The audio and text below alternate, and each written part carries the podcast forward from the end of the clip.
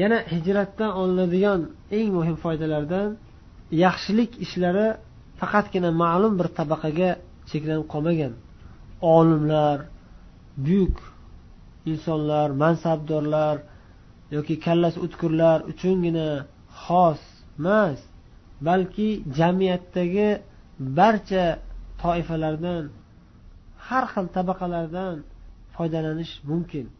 Hammani islomga xizmatchi qilish islomning fidoyilari qilish mumkin. Rasululloh sollallohu alayhi vasallam shunday qilganlaridek o'zlari rasululloh bo'lsalar ham lekin atrofdagi ashoblaridan va hatto yosh yosh qizchalardan foydalanishdi islom xizmati uchun. Abdulloh ibn abu bakr abu bakr o'g'illari abdulloh yosh yigit zarur axborotlarni payg'ambarimiz sallallohu alayhi vasallamga yetkazib tursa abu bakrning qullari amir ibn fuhayr payg'ambarimiz va abu bakrga sut olib kelib berib turardi. Asmo va oyisha onamiz yosh qizchalar esa taom pishirib tayyorlab berib turishardi. Va hokazo. Demak islomga xizmat qilish uchun jamiyatdagi hamma tabaqalarni yo'llash mumkin. Hammani imkoniyati har xil. Alloh taolo har kimga har xil imkoniyatlar bergan har kimni har xil maydonlarga munosib qilib yaratib qo'ygan. Hatto mushriklar islomga dushman bo'lmasa ular bilan ham yaxshi muomalada bo'lib ularni ham islomni xizmatiga ishlatish mumkin. Abdulloh ibn urayqid kofir edi mushrik edi lekin islomga dushmanligi yo'q edi va omonatdor inson edi. Yo'l yo'riqlarni makka arab jazirasini sahrolardagi yo'llarni yaxshi bilardi. Ana shu odamni ham ilmidan ana shu odamni ham tajribasidan rasululloh sollallohu alayhi vasallam hijrat muvaffaqiyat bilan bajarilishi uchun foydalandilar. Yana hijratni eng asosiy foydalaridan ibratlaridan biri shuki alloh taoloning nusrati alloh taoloning madadi barcha kuchlardan baland turadi. Butun dunyo birlashib alloh taoloning do'stiga qarshi harakat qilsa ham alloh taolo baribir o'zining do'stini oliy qiladi. Alloh taolo baribir o'zining do'stiga o'zining avliyosiga izzatu ikrom nasib ro'zi aylaydi. Butun bashariyatning kuch quvvatlari ojiz qolaveradi. Mana quraysh qabilasi ana shu vaqtda eng kuchli toifa o'sha vaqtda o'sha atrofda o'sha arab qabilalari ichida eng obro'lisi eng kuch quvvatga egasi bo'lgani qurollari ham odamlari ham mol mulklari ham oshib toshib yotgan.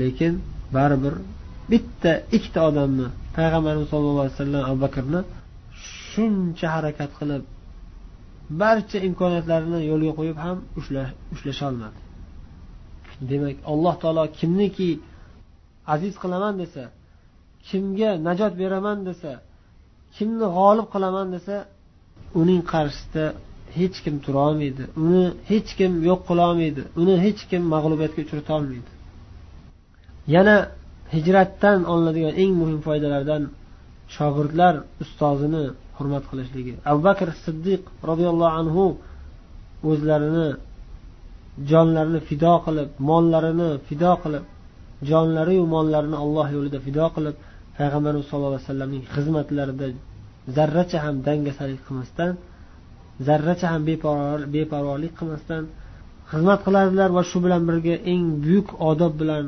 chiroyli go'zal xulqlar bilan payg'ambarimiz sallallohu alayhi vasallamni hurmat qilardilar. Payg'ambarimiz sollallohu alayhi vasallamga xitob qilishda ham juda chiroyli so'zlarni tanlashga harakat qilardilar. Turing ey rasululloh ketdik kech qolib ketyapmiz degan gaplarni aytmasdan ana rahil ya rasululloh ey allohning rasuli yurish vaqti bo'lib qoldimi? deb ruxsat so'rab odob bilan xitob qiladilar. Yana hijrat foydalaridan biri qur'oni karim musulmon odam bilan doimo birga bo'ladi. Rasululloh sollallohu alayhi vasallam juda ham og'ir va xatarli holatlarda ham qur'oni karim tilovati bilan mashg'ul bo'lardilar. Suroqat ibn molik orqalaridan quvlab borganda ham yaqin qolganda ham nimani eshitdi? Rasululloh sallallohu alayhi vasallam qur'on tilovat qilib ketayotganlarini eshitdi. Rasululloh sollallohu alayhi vasallam xotirjam holatlarida qur'oni karimni tilovat qilib ketardilar hijrat yo'lida hijratlari asnosida. Yana hijrat foydalaridan barcha sahobiy kiromlar rasululloh sollallohu alayhi vasallamni chin qalblaridan yaxshi ko'rishliklari va u kishini hijratlari tinch omon muvaffaqiyat bilan tamomlanishini kutib madina munavvarani tashqarisiga chiqib kutib olish uchun butun madina ahli payg'ambarimiz sallallohu alayhi vasallam qachon kelarkinlar deb madinani tashqarisiga chiqib kutib o'tirishliklari bu juda ham payg'ambarimiz sallallohu alayhi vasallamga bo'lgan muhabbatlari juda ham oliy darajada ekanligi juda ham oliy darajada ekanligini ko'rsatadi. Hijrat nabaviyadan olinadigan yana juda ham ko'pdan ko'p foydalar bor. Ularni hammasini ham eslab o'tishimiz qiyin. Hozircha shu bilan kifoyalanib turamiz va alloh taolodan so'raymizki inshaalloh kelajakda siyrati nabaviyani yana ham batafsilroq yaxshiroq atroflicha o'rganishlikka alloh o'zi muvaffaq qilishini so'rab qolamiz. Endi yana ibn javziy rahimaullohning kitoblariga qaytamiz. Ibn javziy rahimaulloh darsni boshida aytganimizdek payg'ambarimiz sollallohu alayhi vasallamning madinaga hijrat qilishlari qissasini zikr qilish bilan to'xtadilar. Madinaga kelganlaridan keyingi voqealarni bu kitobda yozmagan ekanlar. Ibn javziy rahimaulloh endi payg'ambarimiz sollallohu alayhi vasallamning qarindoshlarini va oila a'zolarini zikr qilishga kirishib aytyaptilarki zikru umumati rasulillahi sollallohu alayhi vasallam. Rasululloh sollallohu alayhi vasallamning amakilarini zikri. Qola ibn saib hum ahada ashar. Ibn saib roviylardan birlari aytadilar payg'ambarimiz sollallohu alayhi vasallamning amakilari o'n bitta. Al harif az zubayr abu tolib hamza abu lahab al g'aydaq al muqavvam va zirar abbas qusam juhal. Keyin payg'ambarimizni ammalarini zikr qiladilar. Zikru ammatihi sollallohu alayhi vasallam payg'ambarimizning ammalarini zikri vahunna sittun oltita ammalari bo'lgan deyaptilar. Ummu hakim laqablari al baybo keyin barrah keyin atika sofiya arva va umayma. Bularni qaysilari islom kirgan? Safiya onamiz islom kirganliklari muttafaqun alayh. Ammo atika va arva degan ammalari esa ba'zi bir rivoyatlarda islomga kirgan hijrat qilishgan islomga kirishgan va hijrat qilishgan deyilgan ekan.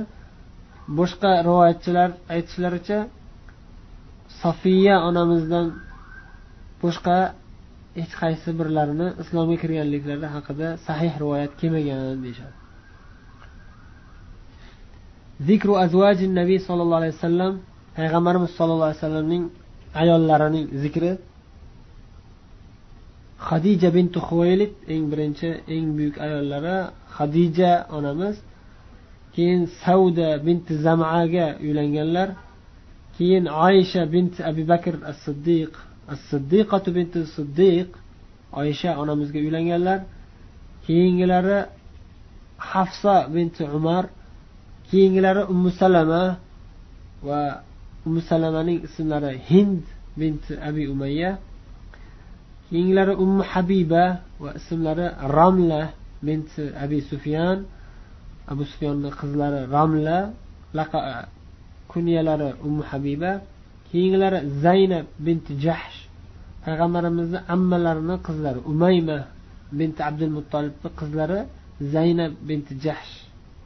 Keyingilari zaynab binti huzayma ibn haris keyingilari sofiya binti huyay ibn ahtob sofiya onamiz. Yahudiya bo'lganlar keyin islomga kirganlar. Dadalari huyay ibn ahtob payg'ambarimiz sollallohu alayhi vasallamga qarshi eng ashaddiy dushmanlardan bo'lgan bir yahudiy alloh taolo shunday bir islomning dushmanidan islomning eng buyuk ayollarini chiqardi. Sofiya onamiz dadalari yahudiy islomning dushmani o'zlari esa eng buyuk ayollardan bo'lganlar. Keyinlari maymuna bintil harif ibn hazm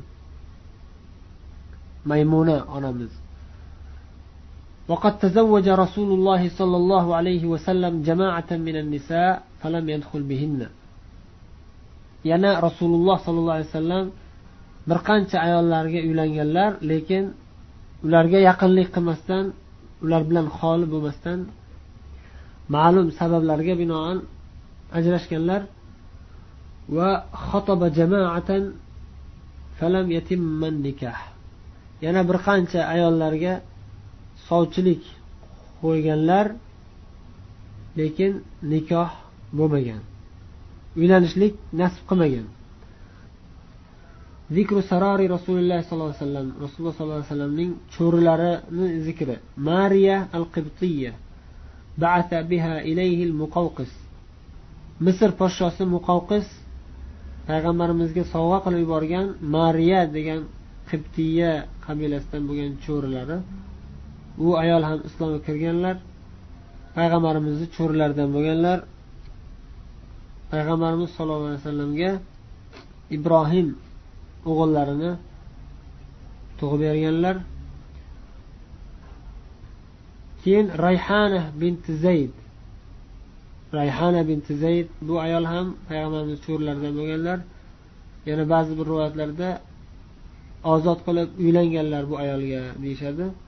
وقال أبو عبيدة كان له أربع payg'ambar sallallohu alayhi vasallam to'rtta cho'rilar bo'lgan deyishadi zikru avladihi sollallohu alayhi vasallam payg'ambarimiz sallallohu alayhi vasallamning farzandlarining zikri o'g'il farzandlarining birinchisi katta farzandlari katta o'g'illari qosim shuning uchun payg'ambarimiz sallallohu alayhi vasallam abul qosim deb kunyalanganlar va bu farzandlari yoshligida o'lib ketgan keyingisi abdulloh ba'zi bir rivoyatlarda at tohir yoki at toyib deb laqablangan وقال عروة ولدت له خديجة القاسم والطاهر وعبد الله والمطيب urva rahimaulloh aytadilar payg'ambarimiz sollallohu alayhi vasallamni hadijadan bo'lgan farzandlari qosim va tohir va abdulloh va mutayyab degan to'rtta o'g'il deyaptilar وقال سعيد بن عبد العزيز كان للنبي صلى الله عليه وسلم أربعة غلمة payg'ambarimiz sallallohu alayhi vasallam to'rtta o'g'illari bo'lgan ibrohim va qosim va tohir va mutahhar قال أبو بكر البرقي ويقال إن الطاهر هو الطيب أبو بكر البرقي aytadilar ba'zi rivoyatchilarning aytishicha tohir bilan toyib bitta farzand bo'lgan tohir ham toyib ham bitta odamga aytilgan bitta o'g'illarga aytilgan laqab u o'g'illari abdulloh.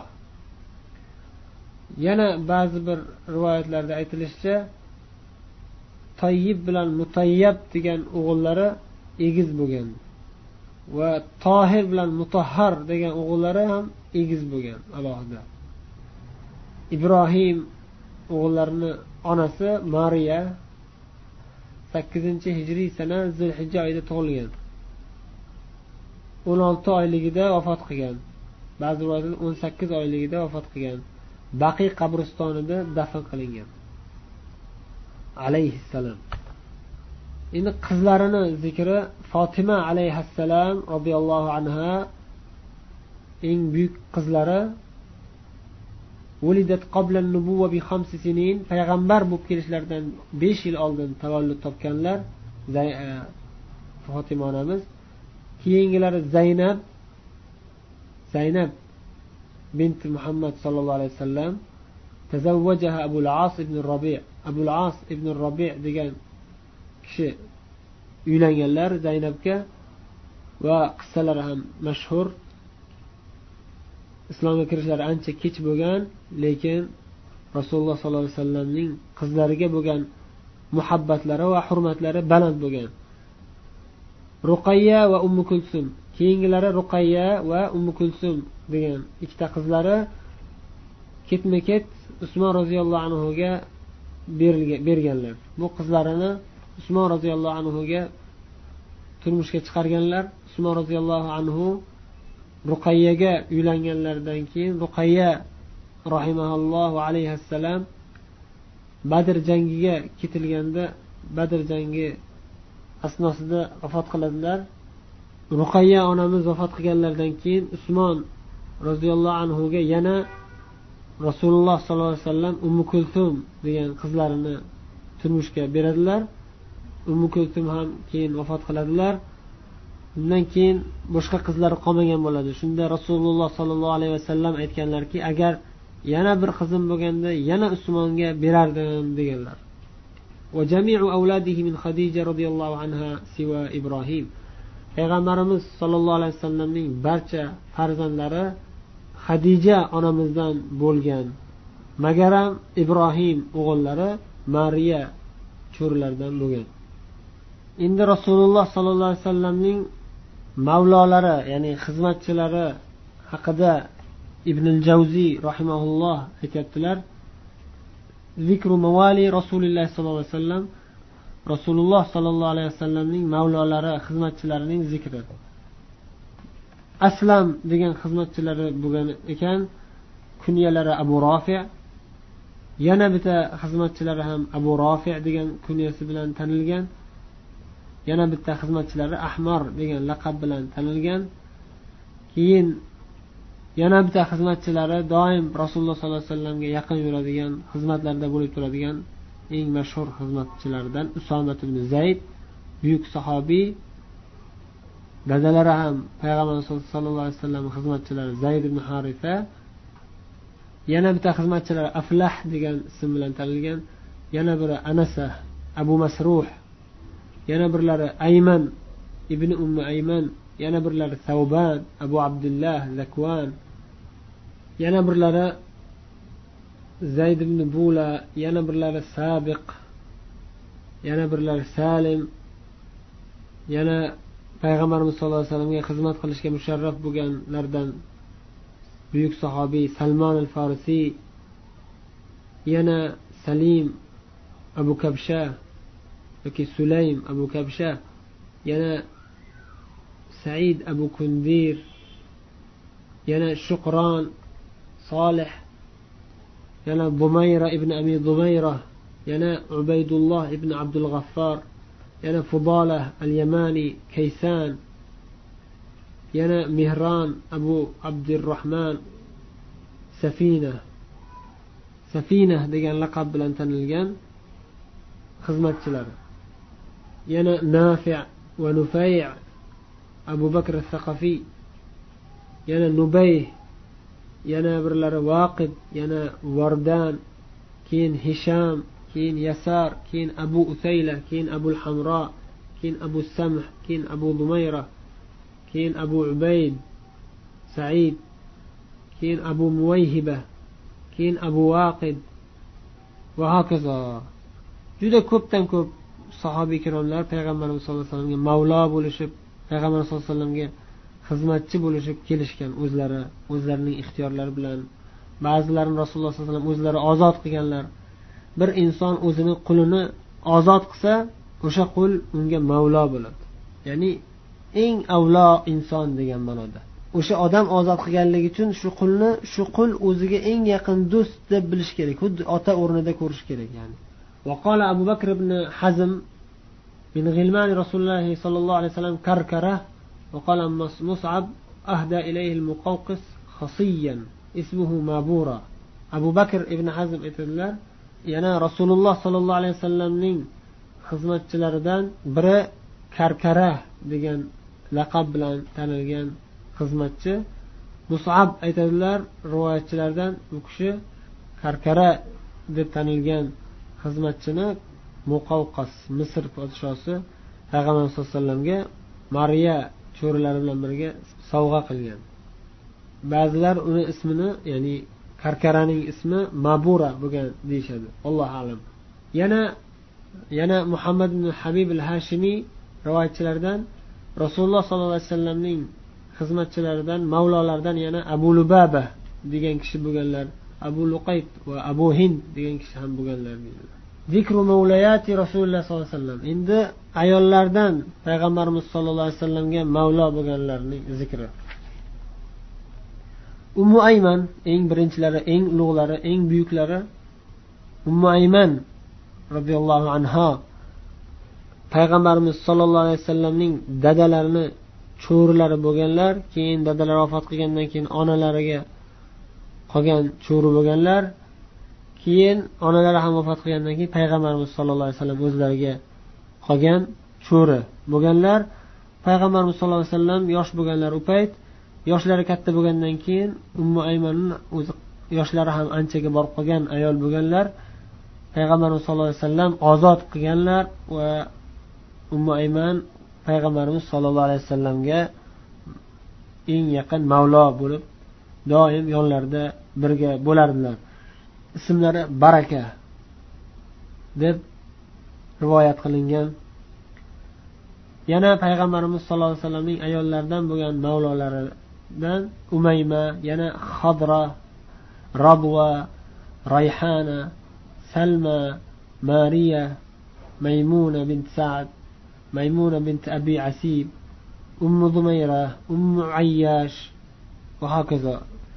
Shular rasululloh sollallohu alayhi vasallamning cho'rilari bo'lishgan keyin rasululloh sollallohu alayhi vasallam ularni ozod qilganlar deyiladi rivoyatlarda.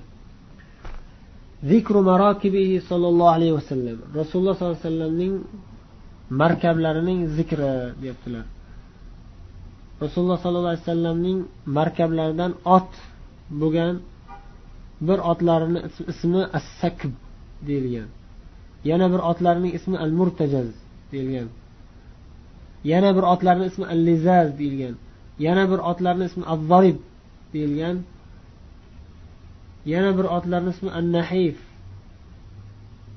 ba'zilar al lahif deb aytishgan ekan. Yana ba'zi birlar payg'ambar alayhisalom al yasub degan otlari ham bo'lgan deyishadi. Endi tuyalari esa al qasvo degan mashhur tuyalar bo'lgan. Yana al g'abba deb tanilgan bu tuyalari. Yana ba'zida al jada deb aytilgan. Keyin bitta hachirlari bo'lgan ismi ash shahba yana bitta hachirlari ad duldul deb tanilgan ekan. Keyin bitta eshaklari bo'lgan ekan al yafur degan eshaklari al yafur deb laqablangan eshaklar bo'lgan ekan. Keyingi mavzuda ibn javziy rahimaulloh zikru sifati rasulillahi sollallohu alayhi vasallam dedilar rasululloh sollallohu alayhi vasallamning sifatlari.